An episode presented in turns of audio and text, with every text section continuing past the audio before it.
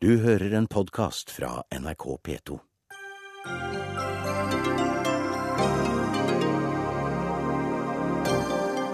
Kvinner må presse på nå, det haster med å få ungen ut. Ved midnatt er tiden ute for de som vil ha barnehageplass til neste høst. Høyre møter Kristin Halvorsen til debatt. Presidenten i Gambia har beordret dødscellene tømt. Alle skal henrettes innen midten av september, men jeg nekter å gi opp, sier kvinnene om sin dødsdømte mann. Programlederen Jon Hustad framstår som noe mellom en speeda Per Ståle Lønning i sine avmaktsdager, en Per Sandberg på akevitt og en predikant på provisjon, mener Aftenpostens anmelder av Harde fakta på TV 2. Han møter Hustad i Dagsnytt 18.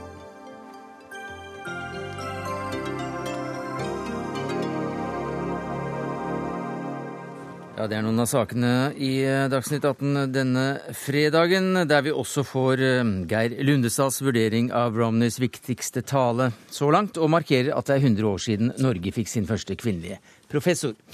Men først til noe som virkelig haster nå, og det er å få unga ut. For i dette øyeblikk presses det for harde livet på norske fødestuer. Skal de nyfødte få barnehageplass til neste år, Bør de, eller må de, fødes nå før midnatt? Hvis ikke må de vente et ekstra år til høsten 2014. Slik er reglene. Elin Flåttorp, du er jordmor ved sykehuset Sørlandet. Hvordan merker dere at uh, tiden går ut? Klokka slår snart eh, tolv slag ved midnatt. Ja, her i Kristiansand så har vi da i sommermånedene juni, juli august opplevd en fødselsbom ut av det sjeldne her i år. Vi har hatt over 200 fødsler hver eh, sommermåned. Og det, vi har jo merket at det har eh, mange tenker på å få barnehageplass. Ja, Er det blitt født noen eh, i dag? Ja, ja, ja. Her har vi det travelt. Det fødes som bare det. Og de er utrolig takknemlige for at de treffer denne datoen, at det ikke blir over midnatt. Så mødrene og kanskje fedrene også er opptatt av dette? Ja vi merker at det er jo mye stress og uro og litt sånn bekymring. Det er kanskje spesielt for eh, far. ja, det, At de skal rekke å føde innenfor 1.9. Det er jo synd, egentlig. Det, ja. ja, Hva sier du som profesjonell fødselshjelper til denne opptaksregelen slik den fungerer i dag?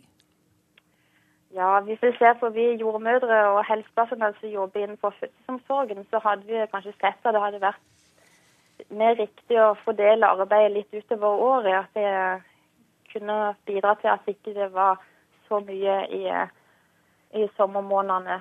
Eh, og selvfølgelig også for de som skal føde, at ikke de har en frist eh, 1.9. Så, så du opplever også, slik mange andre steder, at uh at eh, det er eh, topper, og at eh, september, oktober, november, da blir det født færre enn før denne regelen ble satt i gang? Ja, det har vi opplevd de siste årene. Så, og det er jo mange som har fortalt at de planlegger graviditet. og Det er jo naturens gang som avgjør når fødselen skal skje, så det, det, det er ikke så lett å styre. Linda Helleland, du sitter i familie- og kulturkomiteen for eh, Høyre. og Hva sier du til dette? Nei, altså Det er jo ikke alle som lykkes like godt i å planlegge eh, når man skal ha barn, eller å planlegge en eh, fødsel. og Derfor så viser, viser det her at det er kun en, dato, en datostempla rettighet, og ikke en rettighet som, som alle ettåringer har. Og foreldre er veldig frustrert, for at etter en permisjonstid så i dag, der begge foreldre jobber, så er det mange da, som opplever å gå i flere måneder i ulønna permisjon. Og for da uh, unge i etableringsfasen med store huslån, så uh, kan det få ganske store konsekvenser å gå mange måneder uten da, eller miste igjen inntekt. og Derfor så håper vi at flere kommuner kan praktisere det med fortløpende opptak. ikke sant? At man teller hver gang i måneden og får utnytta hele kapasiteten. Nå er det flere heldigvis kommuner som, eh, som eh, gjør det, mm. Eh, og har på en måte sier at her kommer dere til kommunen vår, så garanterer vi barnehageplass. Det som er viktig for Høyre, det er at vi nå slutter å sette altså verne sånn om systemet. Nå må vi se på hvordan vi kan gjøre ordninga mer fleksibel, mm. sånn at foreldre får barnehageplass til barnet sitt mm. når de har behov for det. Hva sier du til det, Kristin Halvorsen? Du er jo minister for den slags.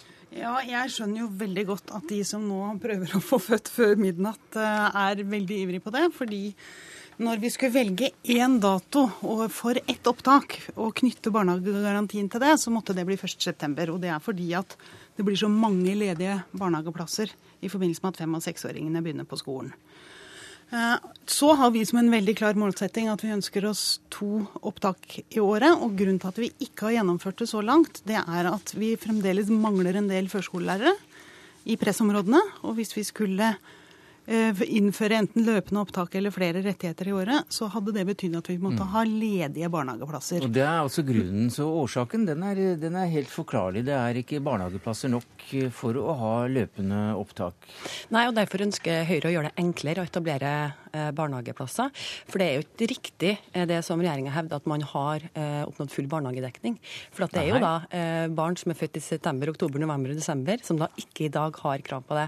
Og det oppleves veldig urettferdig. Mm. Og jeg tror nok det at Hvis SV nå skal gå inn i valgkampen med eh, og, og, folk oppdager hvor langt vi er fra full barnehagedekning, fordi at man ikke ønsker å gå bort fra denne mm. eh, datoen, så er det ikke noe god sak, god sak akkurat for SV. Kan jeg bare få spørre Linda Helleland om noe? fordi at det er, en, det er for så vidt en oppskrift for hvordan man gjør noe med dette. Da bevilger man halvannen milliard kroner. Og så ber man kommunene om å ha ledig kapasitet, sånn at du kan ha f.eks. to opptak i året. Men nå forsto jeg det sånn til morgen i dag at Høyre har ikke tenkt å foreslå det. Det har jo derimot regjeringa som eh, forslag og som mål at vi skal gå etter. Problemet er jo, men Nå har dere hatt sju år på dere, og det er ennå ikke kommet. Jo, men det tror jeg alle forstår. At det er ingen som har bygd så mange barnehager som det vi har gjort. Vi har tredobla de offentlige mm. tilskuddene. Men det vi må passe på, det er at når vi utvider kapasiteten, når vi skal ha flere barn inn, så må vi også sørge for at vi har førskolelærere nok. Og det som har holdt oss tilbake på dette, det er at vi har ikke ønsket å redusere kvaliteten for de som har plass i barnehage, mm. ved å særlig pålegge de kommunene i pressområdene men nå er det jo riktig det som, som Kristin Halvorsen sier. Sant? De har styrt Kunnskapsdepartementet i sju år. Eh, men kvaliteten eh, har man ikke eh, gjort noe særlig med. Høyre har fremma forslag om å heve kvaliteten, flere pedagoger, flere etter- og videreutdanning, kvalitetsportal, uavhengig tilsyn. Alle de forslagene her blir mm. nedstemt men, av regjeringspartiene. Og da, Et øyeblikk, vi må ha Kristin Halvorsen kommentere Nei, vet du hva. Altså, det, er, det er ikke på radioen man foreslår å ha løpende opptak i barnehager. Det gjør man i Stortinget, og da legger man de milliardene på bordet i Stortinget som skal til. Så jeg syns jo det er veldig pussig at uh, Høyre nå uh, ja, De sier omtrent det samme som vi sier. Jeg oppfordrer kommunene til å ta løpende opptak, bruke kapasiteten de har. Vi har ca. 14 000 barn som ikke formelt sett har rett til en barnehageplass. Men er det bevilgningsproblemer her? Altså, Dere har jo sittet på, på pengepotten i, i sju år, som sagt. Jo, men det er en kombinasjon av at det koster penger, selvfølgelig. Ja. Men men jeg vil si at det er like viktig at vi skal ha kvalitetsbarnehager. Mm. Og dermed så mangler vi førskolelærere, og det er en betydelig Men jeg må nesten tilbake til dette her med, med påstanden om at vi, ikke, at vi, ikke, har full barnehagedekning. For det var jo et prinsipp som du satte ned i 2005, at hvis ikke vi innen to år har full barnehagedekning, så skulle Kristin Halvorsen jammen ta sin hatt og gå. Sitat Kristin Halvorsen. Nå har du ikke med deg noe hatt, og du sitter eh, der, der du sitter, men har vi da full barnehagedekning når unger som er født i september, oktober, november og desember, ikke kommer inn etter et år? Ja, det er, ingen tvil om at vi hadde ikke vært i nærheten av denne situasjonen. har vi full SV, barnehagedekning? Ja, vi har full barnehagedekning i mm. forhold til den forpliktelsene som vi har gitt når det gjelder okay. ett opptak i året. Og det er ingen tvil om at vi hadde vært langt unna full barnehagedekning hvis ikke mm. SV hadde vært et regjeringsparti, og hvis ikke jeg hadde lagt huet på blokka den gangen i 2005, så hadde ikke dette vært på plass. Olsen, og jeg tror at veldig mange, veldig mange ja. som har barn i barnehage, de skjønner det mm. dilemmaet. At vi skal ikke redusere kvaliteten i barnehagene. Da må vi heller gå sånn passe fort fram, så vi klarer både deg, kvalitet og, og unnskyld, kapasitet. Men Arild Olsen, du er administrerende direktør av Private barnehagers landsforbund. Er det full barnehagedekning i Norge? Nei, det er ikke full barnehagedekning i Norge. Og, og utgangspunktet er det sånn at når Kristin Halvorsen sier vi måtte velge, så var det det at eh, det har vært løpende opptak. Det hadde vært i barnehagene helt til man innførte en garanti. Da ble det plutselig sånn at man setter tak på det. Så det har vært løpende opptak tidligere, og så har man valgt å ikke Når man da gikk inn med garantien, så valgte man en dato for å få full dekning. Det er helt klart at det er fullt mulig å levere barnehageplasser til mange flere. Det er også sånn at det er problemer med å utnytte kapasiteten i noen kommuner som følge av dette regelverket. Og, og, og det som var òg, det var det at nå det her ble overført til kommunene, så var det jo fra et system som, der man har laga et system for løpende opptak. Fikk du, fikk du, etablerte du en barnehage og fikk unger i barnehagen, så fikk du penger. Mm. Men når kommunene overførte, overført, så valgte de å ikke finansiere det. Så i utgangspunktet så er dette en, blitt et problem for foreldrene, det er blitt et problem for arbeidsgiverne, og det er blitt et problem for utnyttelsen av kapasiteten mm. i mange kommuner. Ja, Det er jeg ikke enig i. Mange kommuner klarer dette helt utmerket. Og jeg, oppfordrer dem hele veien at de nettopp skal uh, ha et godt samarbeid med barnehagene, både de private og de kommunale, sånn at man hele tiden kan formidle de barnehageplassene som finnes. Og heldigvis så er det mange som får til det. Uh, vi har jo Ca. halvparten av barnehagene i Norge er private barnehager. og og Arild Olsen han sitter jo her og er en, hva skal han si, en fornøyd representant for dem. For de har jo fått utrolig mange oppdrag fra SV ja, ja. og regjeringen for å bygge barnehageplasser og for å være med på å tilby Men allikevel så kommer han jo tross alt da med en kritikk av regjeringens politikk på dette området? Jo, men selvsagt. Det vil jo alltid være sånn at de som lever av å tilby private barnehageplasser. Mm. De skulle gjerne ha tilbudt noen flere. Mye, Men mye det dilemmaet vi har, det er jo det, er jo, det dilemmaet vi har, det er jo å rekruttere gode førskolelærere. Det har vi. Ut, utgangspunktet så er det sånn at her er fullt mulig å bygge flere barnehageplasser de fleste plassene. Og det er helt klart at eh, det viser Bergau. Altså, når de inngikk eh, forliket, så var det 36 000 flere barn i kommunale barnehager. Nå er det 10, under 15 000 flere. Så det viser Bergau. Mm. Og vi har hatt muligheten til å ha levert mer. Det, det som er det problematiske i det her, det her er blitt et problem for foreldrene. Det skaper mm. problem på arbeidsplassene. Og det her er he, har det, Dette fikk vi med oss, du sa i sted. Men Linda Helleland, eh, det var et eller annet som glapp litt for meg der du sa at det forslaget dere kommer med nå, det er altså at eh, det skal eh, løses opp når det gjelder regelverket rundt å opprette nye barnehager? Ja, vi ønsker å gjøre det enklere å etablere barnehager. Vi ønsker å gå gjennom hele finansieringssystemet, for vi ser at det er så rigid og gammeldags, og det er ikke tilpassa det behovet som foreldre har for sine barn. Men jeg må, jeg må bare... Jeg nesten si, få Halvorsens kommentar. For meg er det veldig uklart hva Høyre egentlig går inn for. For jeg mm. forstår at de har ikke tenkt å bevilge en eneste krone mer for å ha flere opptak i året. Da gjelder jo ikke det løftet. Men derfor jeg må presisere for Kristin Halvorsen Og de har heller ikke på noe annet vis tatt noe initiativ på dette. Og det betyr at det er ikke noen, noen partier på Stortinget som har lagt inn det, det, det koster å utvide kapasiteten. Men da må jeg forklare Kristin Halvorsen hva forslaget går ut på. For du, har ikke, for du har ikke fått med deg hva det innebærer. Nei, Nei og det, var, det må jeg få, lov til å få fortelle, for da kan vi diskutere på riktige premisser. Mm. Saken er den at i Høyre så har vi nå et eh, programutvalg som driver og jobber med neste stortingsprogram. Forhåpentligvis kommer vi inn da i regjeringskontorene eh, og kan gjøre en skikkelig solid jobb for å heve kvaliteten og, også øke ja, fleksibiliteten i barnehagen. Og Derfor så er det her et forslag fra Høyres programkomité. Eh, som vi forhåpentligvis får gjennomslag for Høyres landsmøte i mai. Der vi er... foreslår eh, fortløpende opptak eh, i barnehagen ute i kommunene. Vi foreslår også eh, å gjøre det enklere for barnehagene å etablere seg. Mm. Så det er det vi Nå må vi få Halvorsens kommentar til det til slutt. Jo, men, men har dere tenkt å bevilge noen penger til kommunene for at de skal ha flere enn ett opptak i året? Eh, når vi, i hvert fall sånn som i Høyre, når vi driver programprosess, så utarbeider vi ikke budsjettet for, eh, men, for samtlige år. Men Kristin Halvorsen, selvfølgelig forstår vi at med den underkapasiteten som er nå, med det behovet for flere barnehageplasser, så kommer vi til å må bruke flere penger på barnehagesektoren i framtida.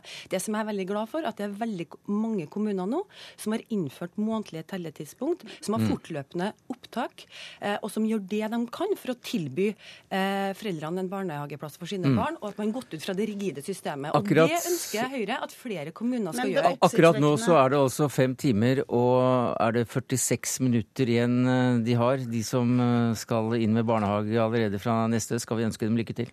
Ja, Det oppsiktsvekkende nå er jo at, Skal vi ønske dem lykke til? Absolutt. Og ja. det oppsiktsvekkende er jo at det Høyre foreslår, det er jo ikke en krone til. Mm. Jeg har jo en veldig klar plan om at vi skal ha på plass minst to opptak i året Mm. i løpet av neste stortingsperiode. Fordi det er et stort problem for foreldre at Takk mange må stå for lenge du i kø. ha, Kristin Halvorsen, kunnskapsminister, Linda Helleland, Høyre, og Arild Olsen, Private Barnehagers Landsforbund. Og til deg ved Sørlandet sykehus. Jeg forsto at du måtte løpe tilbake på jobb, så du er vel ikke med oss, men takk skal du ha, Elin Flåttorp, jordmor der.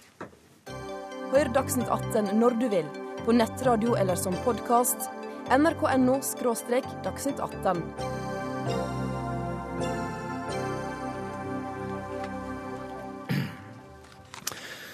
38 mennesker venter på å bli henrettet i Gambia etter at presidenten Yamé i forrige uke sa at hans mål, mål var å tømme dødscellene ved å henrette alle fangene innen midten av eh, september. For en uke siden startet eh, han på det arbeidet, og til nå skal ni av fangene ha blitt hengt. Eh, Jon Peder Egenes, du er generalsekretær i Amnesty International. Ingen fanger er blitt henrettet i Gambia siden 1985. Hvorfor skjer dette nå? Ja, Det virker som om det er fra en fryktposisjon at Jameh mer eller mindre med rette er redd for eh, sin egen stilling. Eh, I tillegg til disse henrettelsene ser vi at han har kvittet seg med en eh, ja, ikke ved å drepe den i denne sammenhengen, men kvittet seg med en del av sine nærmeste generaler. Gjort om en hel del i regjeringen.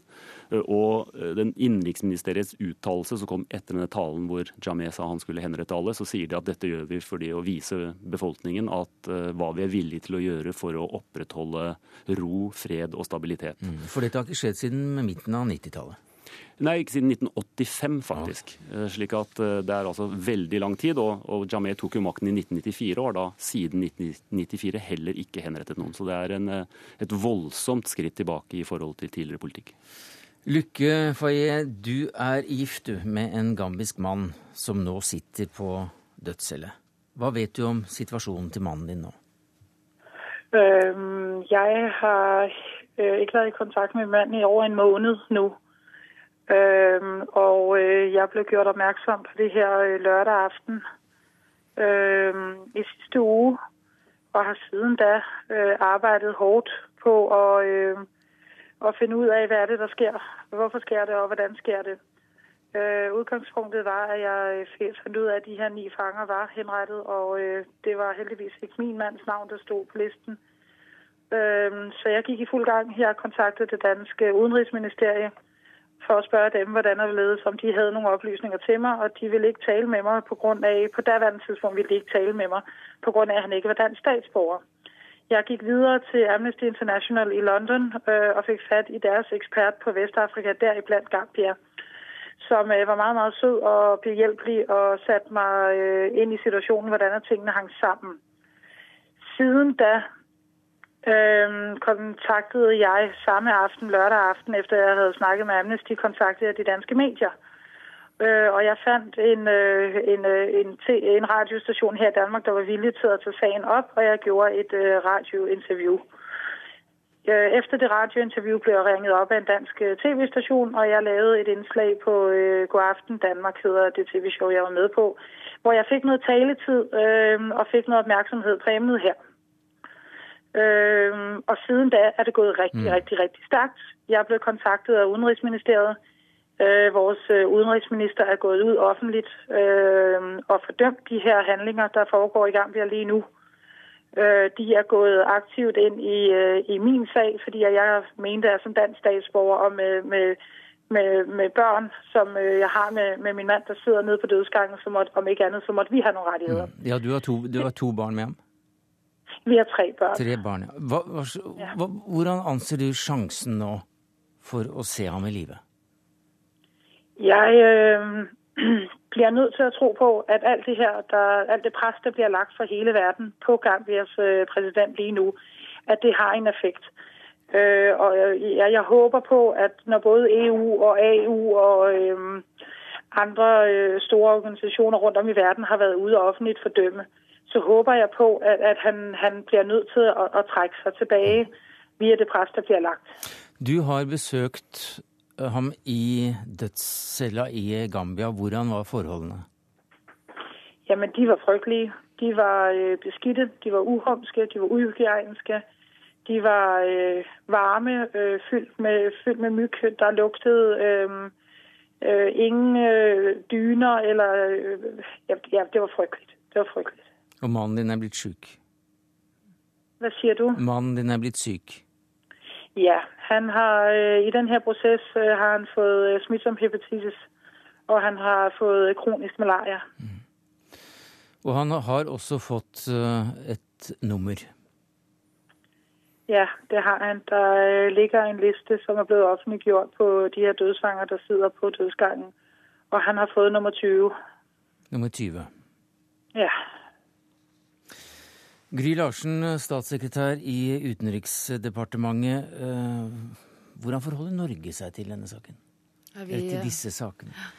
altså, vi fordømmer jo eh, det som har skjedd, og Norge er jo prinsipielle motstandere av eh, dødsstraff og jobber i mange land der det er dødsstraff, mot eh, dødsstraff og i konkrete eh, saker. Også i denne saken så prøver vi å bruke de kontaktene vi har. Nå er ikke Norge representert i eh, Gambia, så det vi har gjort i forhold til denne saken, det er jo å ha kontakt med EU. Så er det også sånn at det er veldig viktig at Den afrikanske union, altså landene i regionen, har engasjert seg. Det er veldig eh, positivt. Eh, og eh, jeg er enig i det som blir sagt. Det det handler om nå, det er bare å fortsette det internasjonale presset. Vi skal prøve å være med og bidra til å gjøre det vi kan, og forhåpentligvis sammen så kan vi stanse det. Dette er jo et indre anliggende, Egenes. Men hva slags type rettssak har disse menneskene fått? Nei, det er det en god grunn til å stille spørsmålstegnet. Det er, for det første er det slik at dommerne er i stor grad valgt ut av president Jameh. Mange av dem har han hentet fra Nigeria. Slik at deres uavhengighet er det store spørsmålstegnet ved. Mange av dem hevder at de har blitt torturert i prosessen og blitt tvunget til å tilstå disse forbrytelsene. Det er til og med spørsmålstegn ved om de er ferdige med ankeprosessen. En av de som ble henrettet torsdag natt eller fredag, hadde sannsynligvis ikke fått anken sin behandlet. Så dette er ikke rettferdige retterganger, verken for de som er der av politiske grunner, eller de som er der beskyldt for ulike former for kriminalitet. Store deler av verden, og ikke minst afrikanske land, har jo da eh, fordømt dette, engasjert seg i disse 47 fangene som sitter på dødsceller i Gambia, og der altså mannen til Lykke Feie er eh, nummer 20. Eh, kan det hjelpe? Ja, det tror jeg absolutt det kan. Og det jeg i hvert fall kan si våre kontakter i Gambia sier, det er at de føler seg mer beskyttet nå enn det de gjorde før all denne oppmerksomheten kom. Denne presidenten er jo en smule irrasjonell, så det er ikke noen garanti for at han ikke går videre med det. Men han er jo også avhengig av å ha et forhold til utenverden, og ikke minst nabolandene i Afrika, som alle har reagert veldig, veldig skarpt. Heldigvis. Utenriksdepartementet har en tripp-trapp-tresko som en slags mal når det gjelder å arbeide eh, overfor land som, som har dødsstraff, hvorav den første punktet er å ikke presse på at de skal bli kvitt selve bestemmelsen, men for at de ikke skal eh, effektuere den. Ja, Det vi ser eh, internasjonalt, det er jo at veldig mange land har det i lovverket. Men det som er viktig for oss, det er å stoppe praktiseringa i første omgang. Og veldig mange land har jo innført det som er moratorium, selv om de har et lovverk som åpner for bruk av dødsstraff. Og det er jo tilfellet i, i Gambia, som egentlig praktisk sett har hatt et moratorium siden 1985. Og det som er utviklinga bl.a. på det afrikanske kontinentet, det er jo at flere land avskaffer bruk av dødsstraff, men også innfører såkalt eh, moratorium. Og Det gjør også denne saken eh, enda viktigere å reagere på, fordi at Afrika er et av de kontinentene som nå står på tur for å sørge for at man får et moratorium på hele kontinentet. Men så for oss er det viktig ja. å ta ikke sant? Altså, eh, Vi vil gjerne fjerne eh, dødsstraff fra alt lovverk, men på vei mot det så er det viktig å jobbe for et moratorium. Men Egnes, eh, det er da slik at det vel hadde vært eh, gagnet flere som sto i fare for å bli henrettet av myndighetene og konsentrere seg om Kina f.eks.? Der tusener eh, Ja, henrettes. ja, Kina er uten sammenligning det land i verden som henretter flest hvert eneste år, og har gjort det i ja, alltid, vil jeg tro. USA er også et land som har USA har dødsstraffen. Det er klart at vi må jobbe opp mot flere land samtidig. Men hvorfor er Gambia så viktig? Nei, Det som er skjedd nå, dette helt akutte ved at en mann sier nå skal vi henrette alle på dødscellen i løpet av tre uker, er helt spesielt. Det er spesielt leit fordi det er et land vi trodde hadde lagt eksekveringen bak seg, og det er på et kontinent der utviklingen for øvrig går i riktig retning. og Derfor er det så viktig at vi får stanset denne. Og selvfølgelig så er det ekstremt viktig å redde livet på disse 38 menneskene som nå fortsatt sitter der og venter på å dø. Lykke Faye, du, du, har sittet og hørt på um, statssekretæren i Utenriksdepartementet snakke her i NRK Dagsnytt 18 i Norge. Hva slags, uh, hva slags oppfordringer kan du gi den norske regjering, f.eks.? Øh, jamen, øh, altså, som, som, som vores danske regering går, går ind i det her via deres øh, diplomatiske øh, kanaler, kan jeg jo kun opfordre den norske regering til at gøre det samme, hvis de ikke allerede er i gang med det.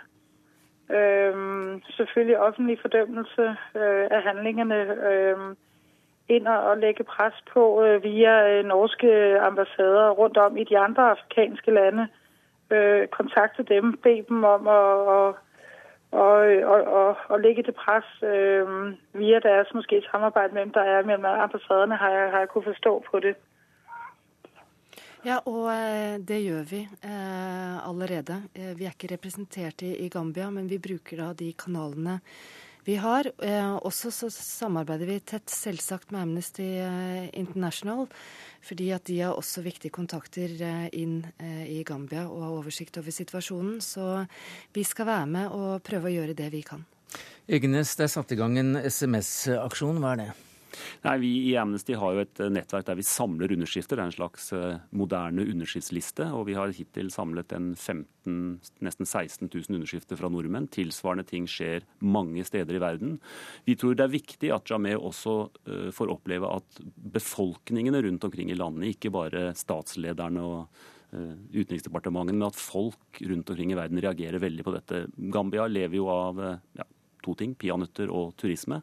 Eh, og vi ber ikke folk boikotte Gambia, men det er klart at eh, hvis gambiske myndigheter ser at folk mange mennesker rundt omkring i verden som er potensielle turister, reagerer på dette, så er det mulig at de tenker seg om når de skal kjøpe en reise neste gang. Og det ligger en liten, om ikke en trussel, så i hvert fall en advarsel i det overfor Jami. Takk skal du ha, Jon Peder Egenes, generalsekretær i Amnesty Norge. Gry Larsen, statssekretær i Utenriksdepartementet. Og til deg i Danmark, Lykke Faye.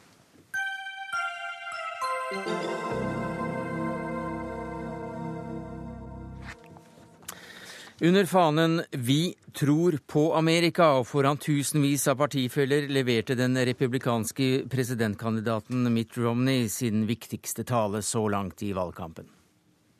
If I'm elected president of these United States, I will work with all my energy and soul to restore that America, to lift our eyes to a better future. That future is our destiny. That future is out there. It is waiting for us. Our children deserve it. Our nation depends on it. The peace and freedom of the world require it.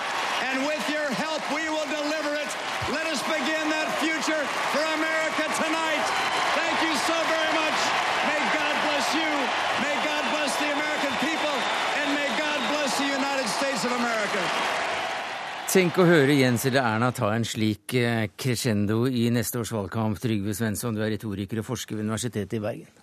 Ja, det har det vært noe. Men, eh, men det er nok en del ting med amerikansk retorikk som skiller seg fra, fra norsk. Eh, og vi så mange eksempler på det i gårsdagens tale. Jon Gelius, du var til stede da Robny holdt sin tale i Tampa i går. Hvordan var stemningen? Ja, Han kom til sine egne, og de tok godt, godt imot ham. Det var en til tider ekstatisk stemning i den store landsmøtesalen. Folk var med fra første tone. Så skal det sies at den som hadde varmet opp publikum, var jo ingen ringere enn Clint Eastwood. Så jeg vet ikke hvor vi skal skylde på Clinton i forhold til Romney. Men ingen tvil om at talen til Romney, som jo var hans livs viktigste tale, ble godt mottatt i landsmøtesalen. Det sto ringside rett nedenfor for eh, talerstolen hans, og så hvordan folk lot seg rive med etter hvert som Romney rullet ut både livet sitt og det politiske budskapet. Geir Lundestad, professor i historie blant mye annet. Er det viktig det at han eh, blir mottatt med en slik nesten eh, ekstatisk hyllest på et eh, møte? Nei, Det tar man for gitt. Det er jo sånn et landsmøte skal være. Og det er jo sånn bestandig, uansett. Men det jeg syns han gjorde veldig bra, det var de temaene han tok opp. Han tok opp de helt riktige temaene. Han snakka om seg sjøl. Og det er viktig, fordi at når det gjelder personlighet, så ligger han langt etter Obama. Det amerikanske folk er avventende til denne rike mannen som har levd uten kontakt med de brede masser. Han snakka om seg sjøl. Han prøvde å folkeliggjøre seg sjøl. Han snakka mye om kvinner. Det er også et kjempestort problem, for han ligger langt etter eh, hos eh, amerikanske kvinner, særlig eh, enslige kvinner, ikke gifte. Oppholdt seg lenge med det. Det var viktig. Så hamrer han inn det som er hans viktigste argument. Har du det bedre nå økonomisk enn for fire år siden? Dette var jo Reagan sitt klassiske spørsmål etter fire år med Carter. Har du det bedre? Og så sausa han alt dette inn i en veldig stor dose hyllest til Amerika. Eh, så, så eh, jeg tror temaene var helt riktig, og eh, ja, det var bra gjort. Jon Gelius, er dette blitt tatt godt imot i amerikanske medier i dag? Tja, vil jeg svare på det. Det er blandede mottagelser. Det er klart at Konservative Fox News mener dette var en meget solid tale og hyller han for hans måte både å framstå på, og ikke minst også budskapet. Mens storavisen New York Times f.eks. de mener uh, han nærmest drev historieforfalskning når han i passasjer av talen nærmest ga inntrykk av at republikanerne hadde ønsket at Obama skulle lykkes med sin økonomiske politikk. Og avisen slår fast at uh, de har jo motarbeidet denne politikken fra dag én som opposisjonsparti.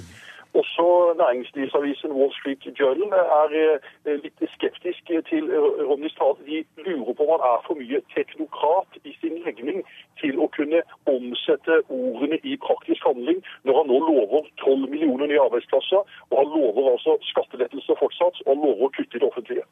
Trygve Svensson, som retoriker, hvordan syns du han klarte seg? Jeg syns han klarte seg eh, veldig bra, forutsetningene tatt i betraktning. Mm. Eh, og du vet, det der at han at han på en måte ikke er noe god taler, det kan òg brukes som en fordel. Altså det, det, det, er en måte å fremstille seg sjøl som en handlingsmann, en som ikke er opptatt av, uh, av å snakke fint, men å gjøre det riktige. Det, så lenge retorikken har eksistert, så har det òg eksistert folk som har brukt det retoriske grepet og si at jeg er ikke så opptatt av hvordan ting sies. Um, og så leverte han jo på de tingene som en presidentkandidat må levere på i en sånn sammenheng. Altså han snakket om familieverdier, han snakket om at USA nå må komme sammen. Han snakket om eh, amerikansk eksepsjonalisme. Altså dette, dette, denne ideen om at USA er et helt spesielt sted på jorden eh, med en eh, helt spesiell historisk misjon. Og det er viktig i amerikansk politikk, Lundsen? Eh, det er veldig viktig. Eh, alle, uansett parti, Eh, venstre til høyre eh, hyller Amerika. Og det, vi kommer til å se en ny kraftig dose når Obama skal tale i neste uke. Dette er en felles ideologi. Men eh, Obama eh, har gjort det litt vanskelig eh, for seg sjøl. fordi eh, da han kom til makta, så dyrka han ikke denne ideologien.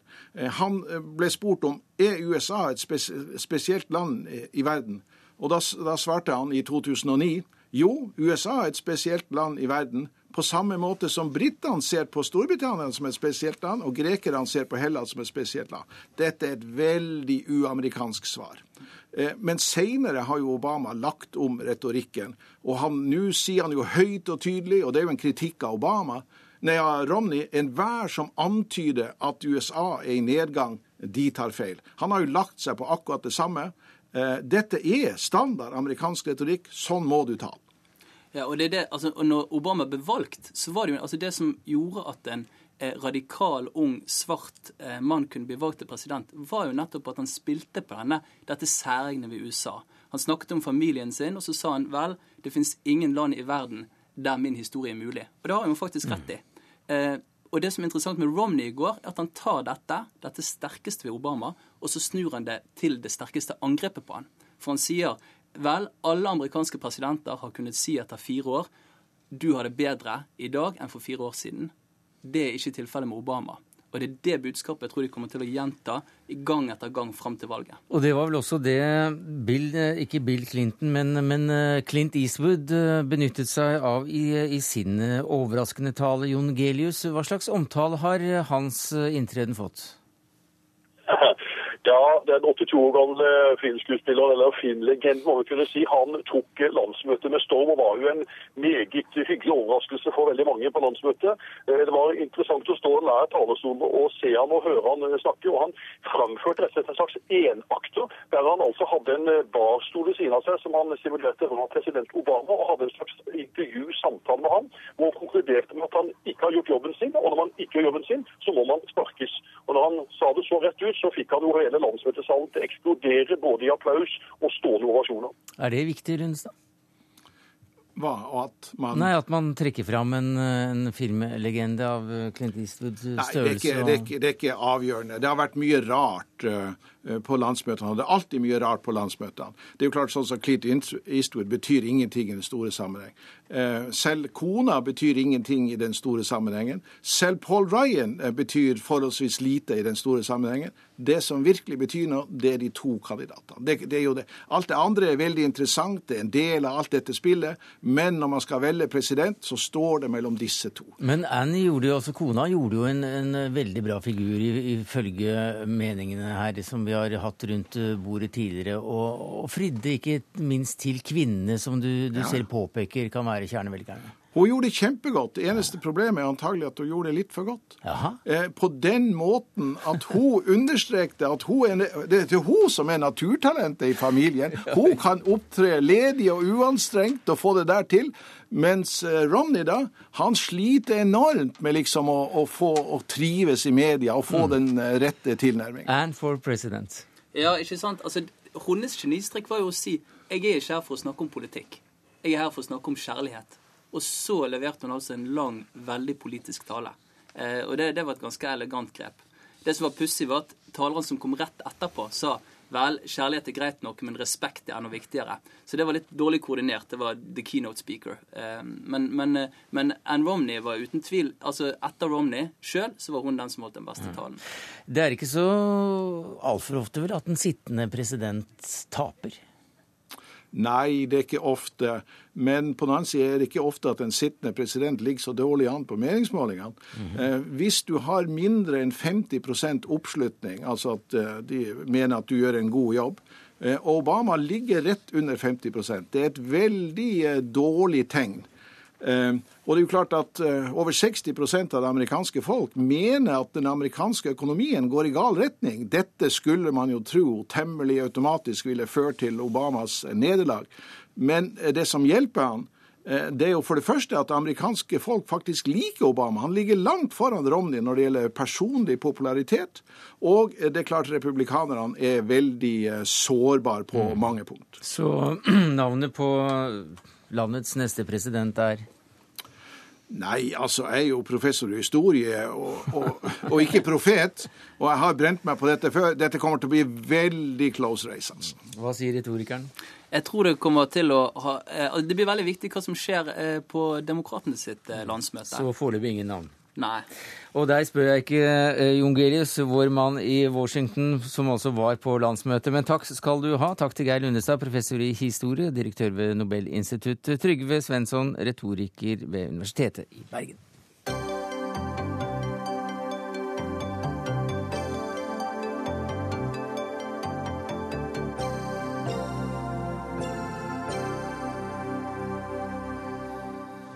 På onsdag var det premiere på TV 2s nye aktualitetsprogram. Velkommen til Harde fakta, Norges eneste aktualitetsprogram som ikke er venstrevridd. Så var programleder Jon Hustad i gang med sin store oppgave, nemlig å påvise overdrevet byråkrati her i landet, latterlige regler og statlig sløseri. Eller som han selv har uttalt, å bygge ned velferdsstaten.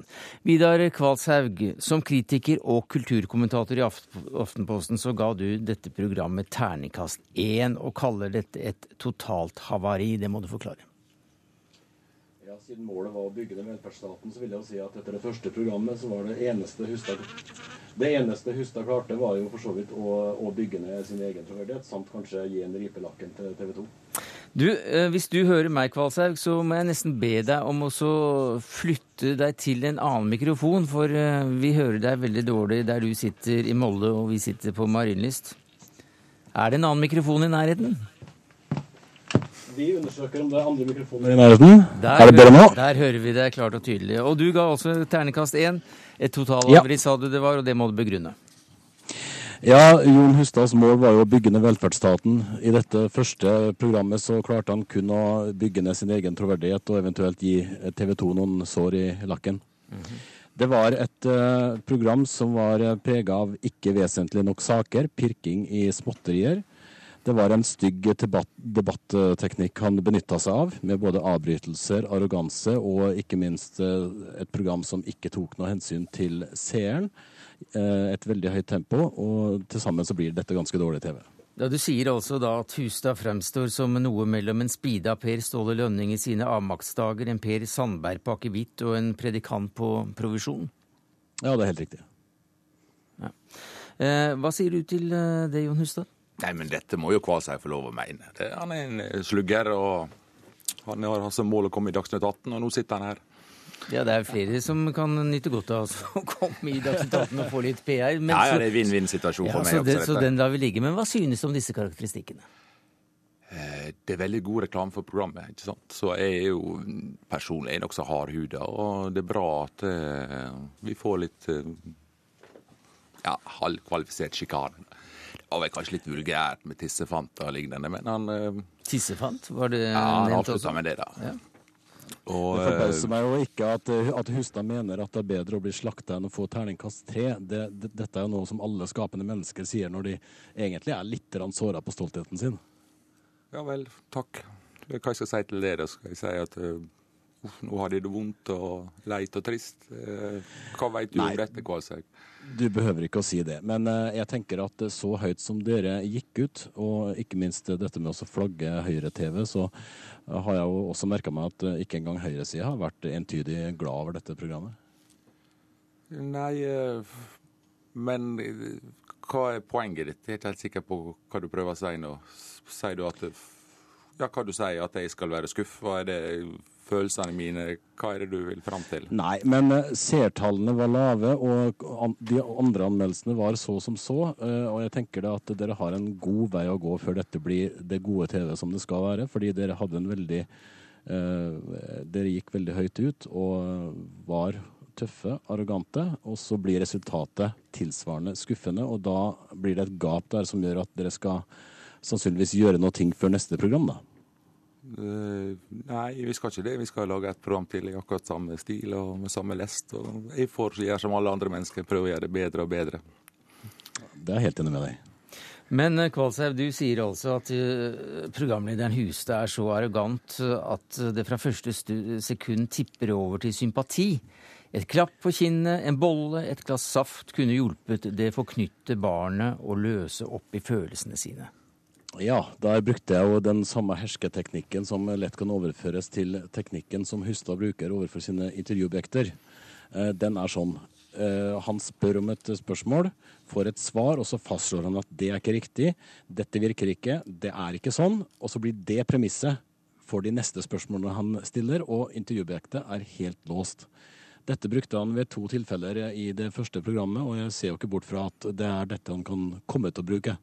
Nå vil jeg bare anføre det at jeg har stor respekt for Jon Hustad. Han er en, eh, en veldig dyktig journalist, og han blir noen gang, gang overivrig. Han er god på trykk. Men eh, akkurat dette med TV-formatet og disse avbrytelsene tror jeg ikke var det som ga seeren følelsen av at, uh, av at dette var vesentlig. Nei vel, så må jeg bare konstatere at du mener det. Men jeg er ikke helt sikker på hva du mener med overrumple. For de får jo stort sett spørsmål på forhånd, de får vite tema. og Han jeg hadde i studio, Sandbakken, har jobba med tekniske byggforskrifter nå i fem år. Det er vel den i Norge som kan det best. Så jeg tror ikke han var så overrumpla, for å være helt ærlig. Men, Nei, eh, det, kan, det vet jo du best. Kvalshaug, finner du det ikke litt forfriskende at eh, det nå er et eh, program som helt klart sier at denne politiske korrektheten som det påstås at andre programmer og journalister har, den skal de i hvert fall ikke ta på seg i, i, i studio, men gjøre noe ganske annet? Jo, jo. Det er helt, uh, intensjonen med programmet er helt i min ånd også. Uh, og det vi ser nå, er at uh, det er et program som inviterer folk til å krangle med programlederen, i stedet for at gjestene skal krangle innbyrdes. Dette er framtidas debatt-TV. Vi har sett det før i USA. Men der har jo programlederne både vidd og varme, og de går seg ikke fast i altfor små forskrifter. I motsetning til? Til Jon Hustads første program. Ja, ok.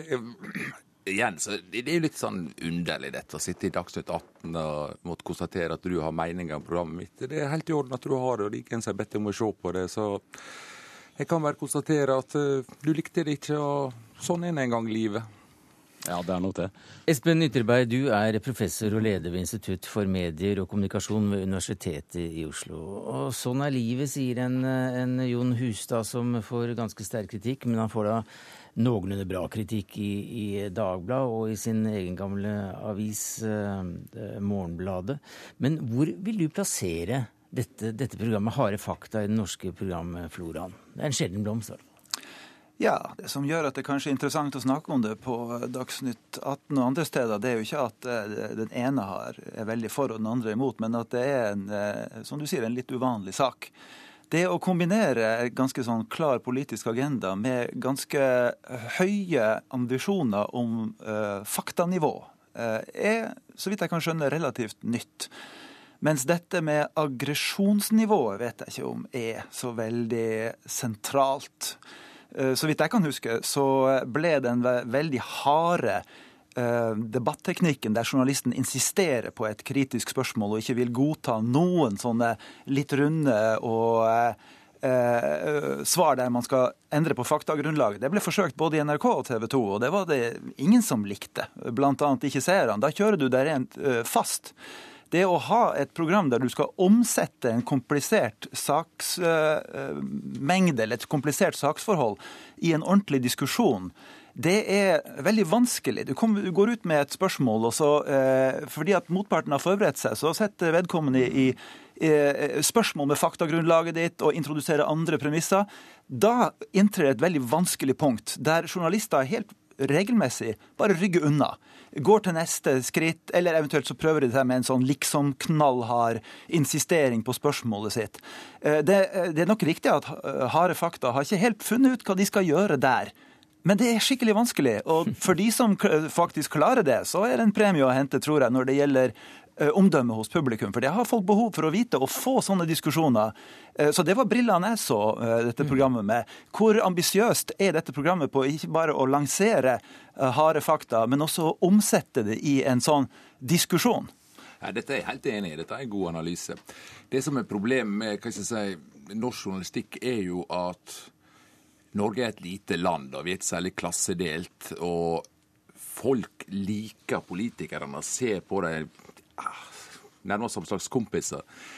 Og det jeg prøvde på, er jo å bruke en engelsk stil som er mye mer brutal og er veldig mye mer direkte. Men da er det lett for at det tipper over til at den du intervjuer, får sympatien.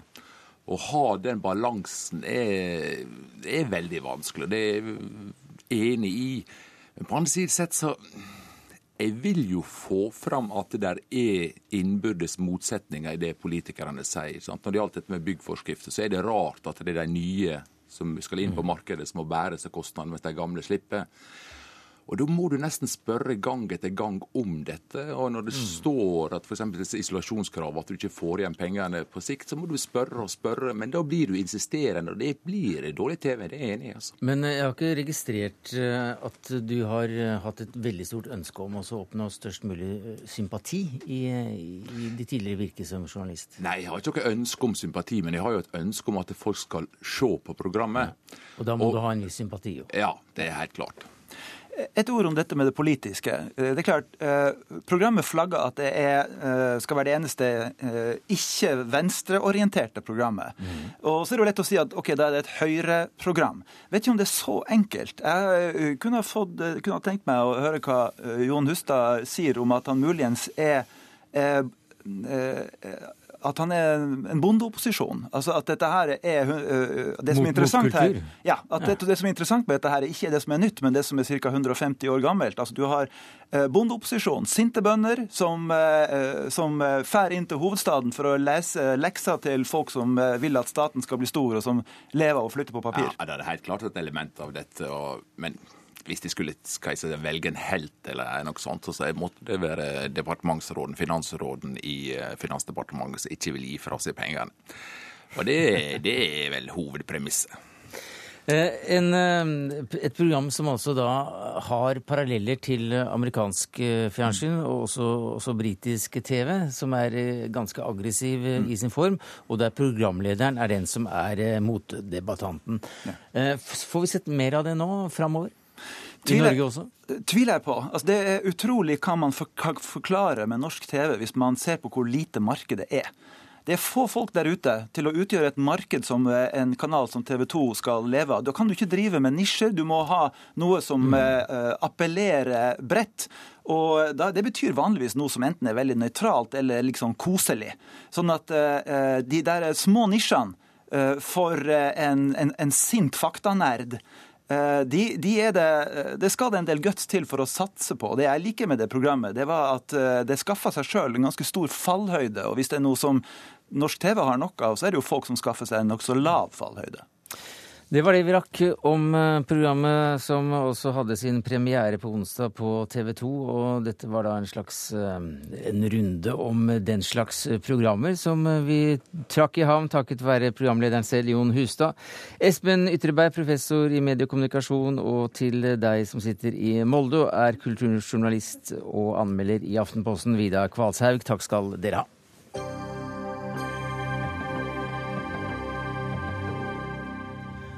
Ja, hadde dere vært eh, professorer, dere to, i biologi for 100 år siden, Dag Hessen og Inger Nordahl, da hadde dere ikke sittet her i Dagsnytt 18. Naturlig nok. Ikke begge, i hvert fall. Men i dette sekund så hadde dere vært i nystrøken Finstads og feiret et sterkt stykke norgeshistorie på Holmenkollen sportsstue. For 31. august så ble det altså skålt og sunget for at landet endelig hadde fått sin første kvinnelige professor. Og dette har dere skrevet bok om. Ja. Hvorfor det? Fordi at jeg som kvinne og kvinnelig professor syns jo at at et hundreårsjubileum for en første norske kvinne i den posisjon, det hadde fortjent en større fest enn Dagsnytt 18 kanskje, men nå er vi her og snakker om det. men Hva slags begivenhet eh, var dette, Hesten? Det var en stor begivenhet av mange grunner. Det var det ikke bare det at hun var kvinne, hun var jo en dyktig forsker også, men det at man brøt den barrieren. Altså, hun begynte jo på medisin, et, eh, et studium som ti år tidligere hadde vært eh, utenkelig at kvinner kunne få adgang til. Mm og endte over i zoologi, riktignok, som en del gjorde. Men det var en, en helt mm. banebrytende. Det måtte jo en ny lov til, faktisk. Og dette var jo året før det var alminnelig stemmerett for kvinner også. Så det var ganske unikt. Vi snakker om Christine Bonnevie, som boka heter. Et forskerliv. Og la oss først ta dette med pioner og hva slags tid hun levde i. Det står i boka, dere siterer, stor arv det er for mannen av godtfolk være født, men kanskje ikke for kvinnen. Ja, jeg, Kanskje ikke så galt for kvinnen heller, tror jeg mener at vi har skrevet. Men, mannen, eh, men faren hennes var ikke Nei, far var jo eh, høyremann, eh, stortingsmann, eh, et, til og med undervisningsminister og skolemann. Og han har utgitt et famøst skrift da når, det kom vel når Kristine var åtte år gammel, hvor han da argumenterer sterkt mot at, at pigene skal ta middelskoleeksamen, og artium er selvsagt da enda mer utenkelig. Og universitetet til gode. Så han har en holdning som da vesle Kristine, unge Kristine, må ha vært i opprør mot. Hvor, hvor, konkret hun slåss med far, vet vi ikke, men Kristine fikk det iallfall som hun ville. Så hun har gått gradene og, og oppnådde da den høyeste posisjon man kan få innenfor universitet og forskning. Professor i 1912. Men hvordan ordla han seg det? Han sa noe om akkurat Ja. kvinner og, Ja, og han har noen fantastiske formuleringer. Jeg vet ikke om jeg klarer å gjenskape dem helt. Men, men eh, det viktigste ved oppdragelsen av et pigebørn i de høyere klasser, mm. det er at man må bevare det kvinnelige klenodium. Riktig hva dette klenodium er, det vet jeg ikke riktig, men det er iallfall ikke å gå til topps i akademia og, og oppnå toppstilling. Dette er altså da en fantastisk historie, Hessen. Dere nøster fra Bonnevie-dynastiet tidlig, der en flyktning fra Antibes giftet seg lurt i Norge, og dermed var det klappet og klart for altså at den første professoren uten et Y-kromosom eh, kom til eh, landet, så å si. Hun er en fin miks av Christier og Daaer og Bonnevier og alt som er veldig fornemt og, og innsiktsfullt og intellektuelt her i landet på den tiden. En sterk cocktail. Ja, Det er nok en del av historien, for hun eh, kommer jo da fra en familie som har den eh, hva skal vi si, fornødne selvtilliten og backingen som hun antagelig trengte. Selv om hun da hadde en far som definitivt ikke bar henne fram, så, så hadde hun tror jeg, den, den medgiften altså, som det innebar å komme fra disse dynastiske familiene. Det har nok vært en del av forklaringen her. Men dere leter også litt etter mennesket. Ja. Hva fant dere? Jo, vi, vi har funnet en, en, sterk, en sterk personlighet, vil jeg si. Eh, Men også et utrolig omsorgsfullt menneske. Og hun er jo Altså, det er ingen overgår Kristine Bonnevie når det gjelder omsorg for studenter. Det er, vi kan nevne i fleng. Altså, det er eh, boliger eh, i Geitmyrsveien, Schultz gate 7 Dyd, det er- dydens hvile? Dydens hvile, ja. Det Mm. var, var bare piger som hadde adgang da i Geitmyrsveien. Men Aulakjelleren og Blindern-kjelleren og, fra, under første verdenskrig så ja, Hun nærmer seg faktisk en slags rolle som husokkupant. husokkupant. For hun var full av ideer hvordan hun kunne lokke Forsvaret til å avgi rom. Og hun installerte dem på loftsrom på Botanisk museum. Så, så hennes kreativitet e- eide faktisk ikke grenser. Hun eh, giftet seg aldri. Det var ikke så uvanlig at eh, karriereakademikere, kvinnelige sådan, eh, ikke giftet seg.